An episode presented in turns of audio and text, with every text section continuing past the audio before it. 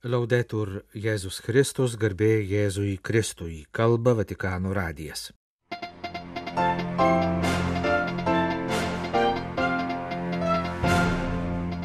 Belgijos spauda paskelbė interviu su popiežiumi. Bažnyčia Vengrijoje džiaugiasi, sužinojusi apie balandžio pabaigai numatytą popiežiaus vizitą. Ukrainos tikintieji pradėjo antrą karo gavėnę. Sekmadienį bus minima Maldos už pasaulio lietuvius diena. Pokalbis su Lietuvos vyskupų konferencijos delegatu užsienyje gyvenančių lietuvių katalikų silovadai arkivyskupu Lionginu Virbalu.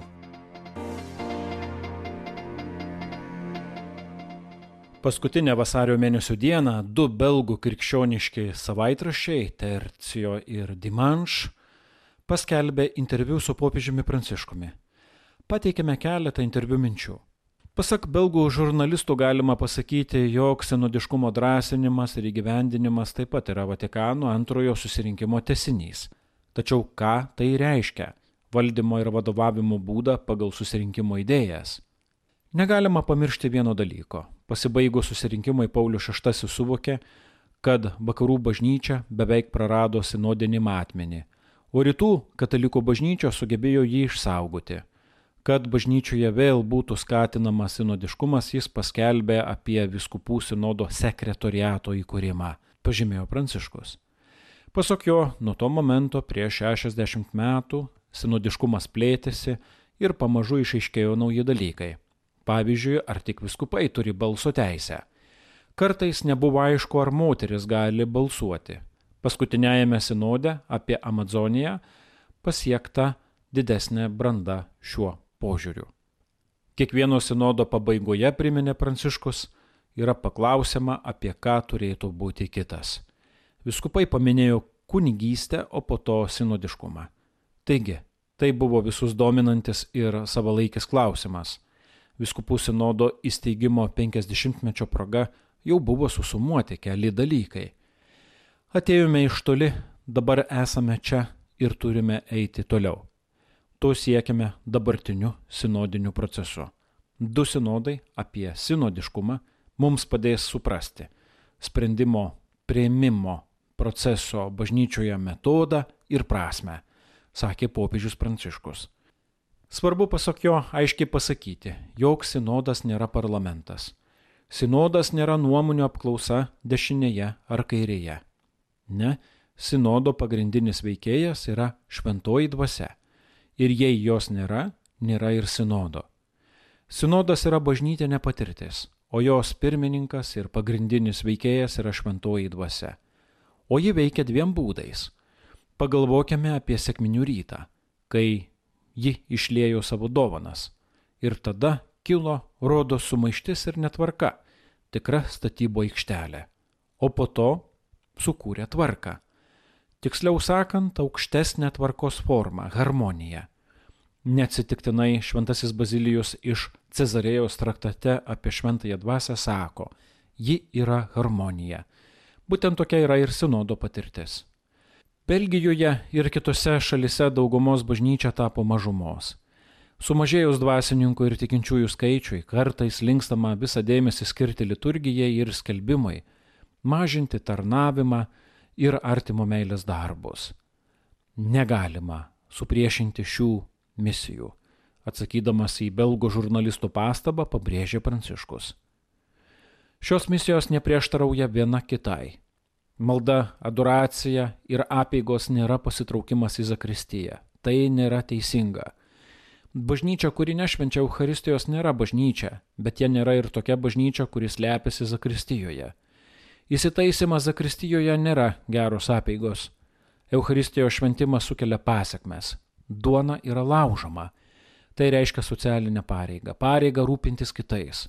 Malda ir įsipareigojimas dėl kitų eina koja kojon.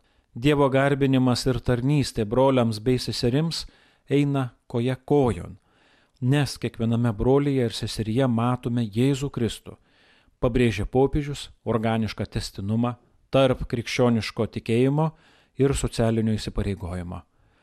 Pastorojo, patikslino jis, nereikia painioti su filantropišku veiksmu, kurį gali padaryti ir netikinti žmogus. Krikščioniškas artimo meilės darbas tiesiogiai išplaukia iš tikėjimo ir liturgijos. Kristus pabrėžė, ką padarėte išalkusiam, ištroškusiam ligoniui, man padarėte. Krikščionis daro socialinius darbus ne iš prievolės, o todėl, kad ten atpažįsta ir mato Kristaus buvimą. O atpažįsta todėl, kad meldžiasi ir garbina Dievą. Abu dalykai eina kartu, turi būti sujungti. Viena peiginė bažnyčia nėra bažnyčia, kaip ir vien socialinė bažnyčia. Viena yra kitos pasiekmė, viena kreipia į kitą. Svarbu išsaugoti šį ryšį ir sąveiką.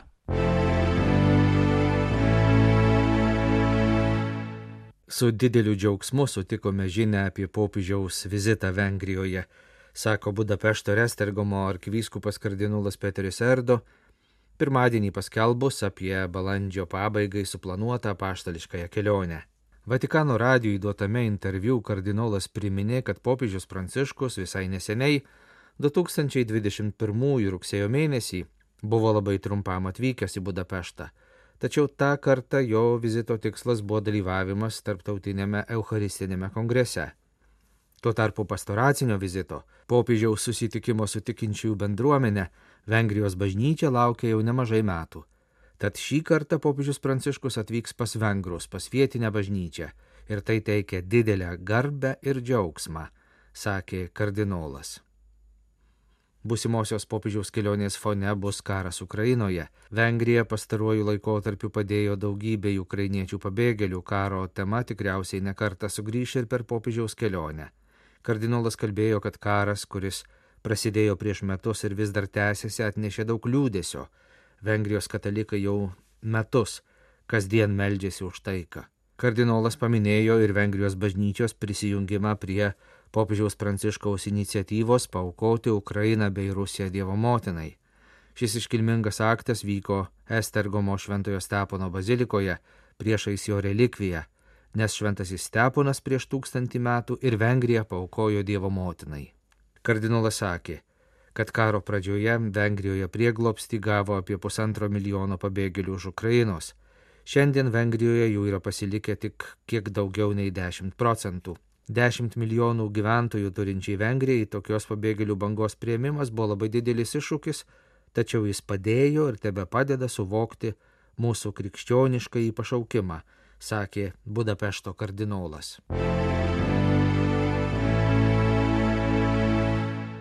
Gavinė tai metas, kai reikia ištraukti save iš pogriuvėsių, sakė Ukrainos graiko peigų katalikų bažnyčios vadovas Kievo ir Haličio didysis arkivyskupas Vietoslavas Ševčiukas sekmadienį, vadovaudamas dieviškai liturgijai, pradedančiai gavėnios metą.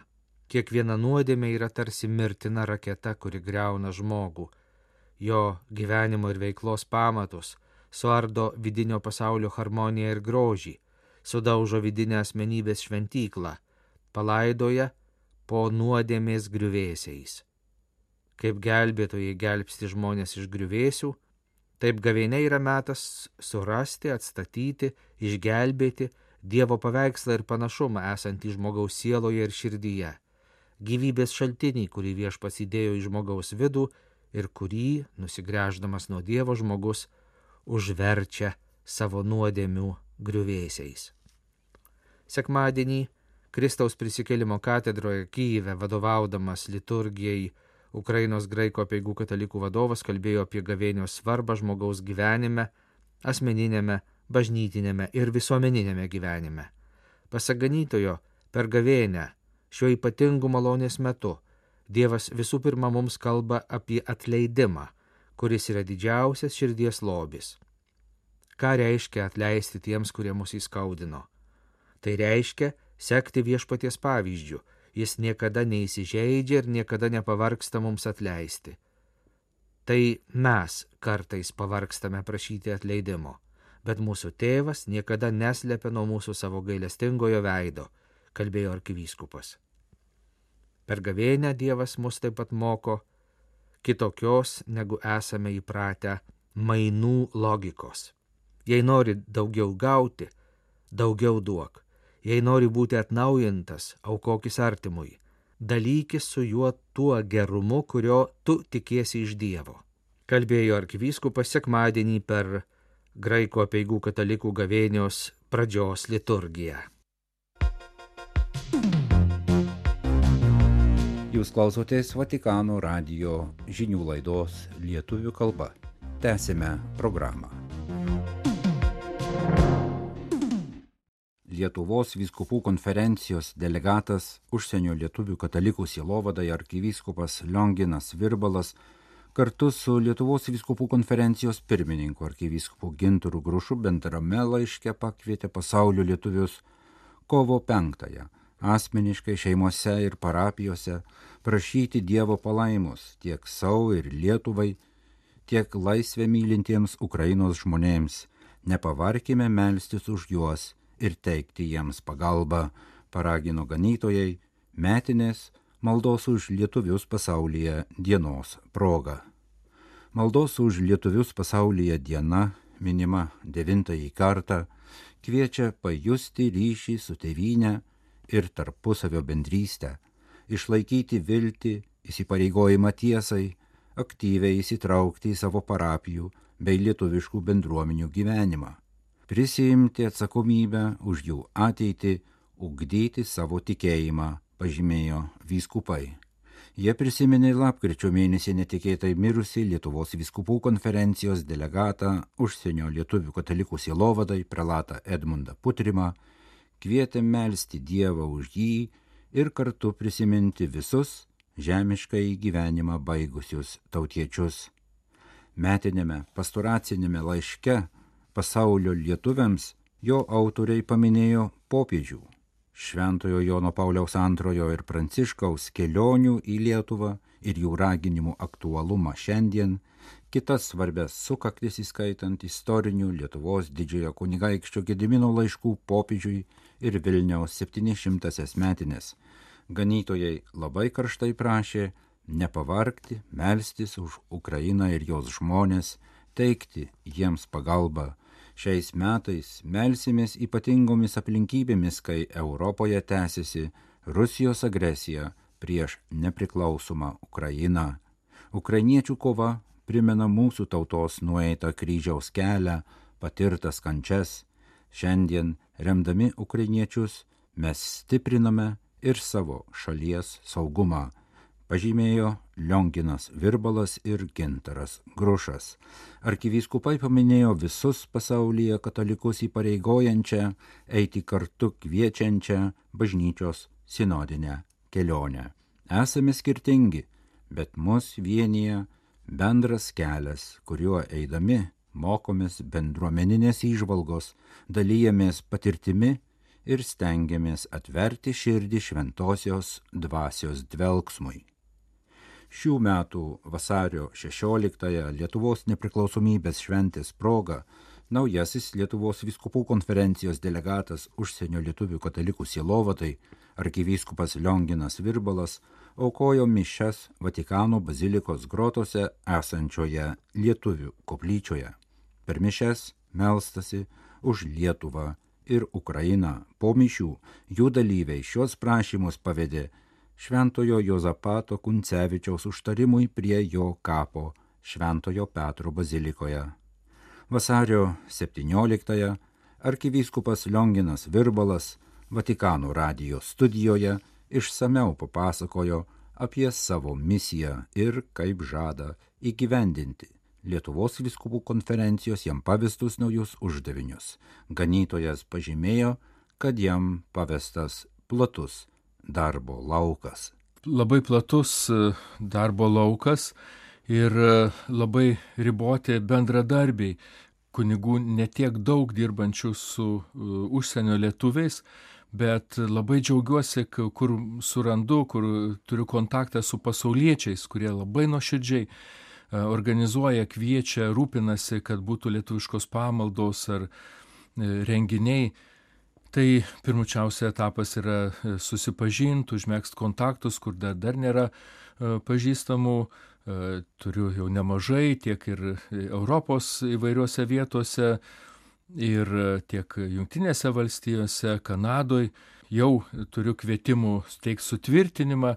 Be abejo, kad ribotos galimybės aplankyti, e, tiesiog susipažinti, pasikalbėti, išgirsti norus, pageidavimus savo ruoštų. Manau, kad vis labiau turėtumėm suprast, gal Lietuvoje lietuviai turėtumėm suprast, kokią didžiulę reikšmę turi užsienio lietuviai. Turėjo ir turi. Mes gal ne, nepakankamai e, kažkaip įvertinam tą reikšmę, svorį, vaidmenį, kurį turėjo gal ir gaila, kad kažkaip tarsi atstumimas čia ir per pilietybės klausimą įvyksta. Antra vertus, užsienio lietuvių, ten, kurie gyvena, svarbu, kad būtų atvažiuotų ir būtų pamaldos lietuvių kalba. Ir stengiamės kažkaip tai pasiekti lietuviai kunigai iš e, Europoje, bent jau pasiekė bendruomenės kitų kraštų, bet e, vis geriau supras, kad ne vien tik neapsiriboja mūsų tikėjimas vien tik tai pamaldomis, kad kur kas daugiau. Ir kaip geram matyti e, Oslo, kitur pasauliečiai, kurie perima katechezę, ruošimą pirmai komunijai E, manau, kad visi išmokom per pandemiją bendrauti per nuotolį. E, tai, tai nėra pamaldų bendravimas, jokių būdų, bet e, maldos grupės susitikimas, katechezės susitikimas, daug tokių įvairių vyresnių galimybių atsiranda ir naudojantis tas technikos priemonės. Tai galima įsivaizduoti, kad ateityje jos bus vis labiau pajungiamos taip pat ir užsienio lietuvių arba lietuvių bendruomenių gyvenime, bendraujant ir bažnytiškai.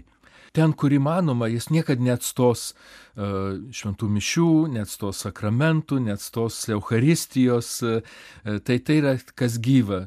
Bet ten, kur įmanoma, ten, kur daugiau susijęs su susipažinimu, su žiniomis, su susisiekimu, pasidalinimu vienas su kitu, tai tikrai gali būti naudojama. Mes ne vien tik tai na, savo pastangom, bet žinom, kad reikia maldos, kurie apjungtų viešpaties, kuris mus suvienytų, padėtų tos sunkumus įveikti ir, ir atstumus ir mes išlaikytumėm e, tą dvasę lietuvišką, išlaikytume tą paveldą ir savo buvimą e, lietuviais ir katalikais. Vienas kitą sustiprina. Ir žinau, kad yra tų, kurie gyvena užsienyje ir jie vieni labai gražiai įsijungia į tu savo krašto parapijas. Ir, ir tai gerai be abejo tampa nariais tos parapijos, kur gyvena. Kitiem yra kažkaip per sunku, kažko tai trūksta ir jie kažkaip apsiriboja e, lietuviškomis ryšiais ir lietuviškomis pamaldomis.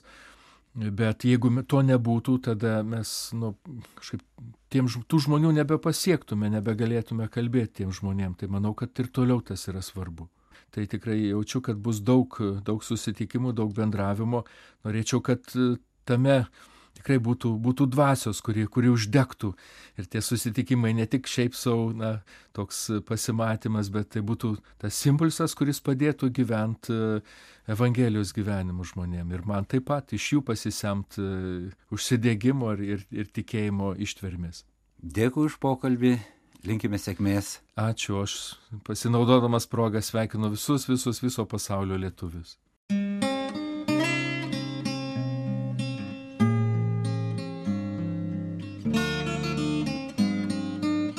Kalba Vatikano radijas. Laidą lietuvių kalba baigėme. Garbėjai Jėzui Kristui, laudetur Jėzus Kristus.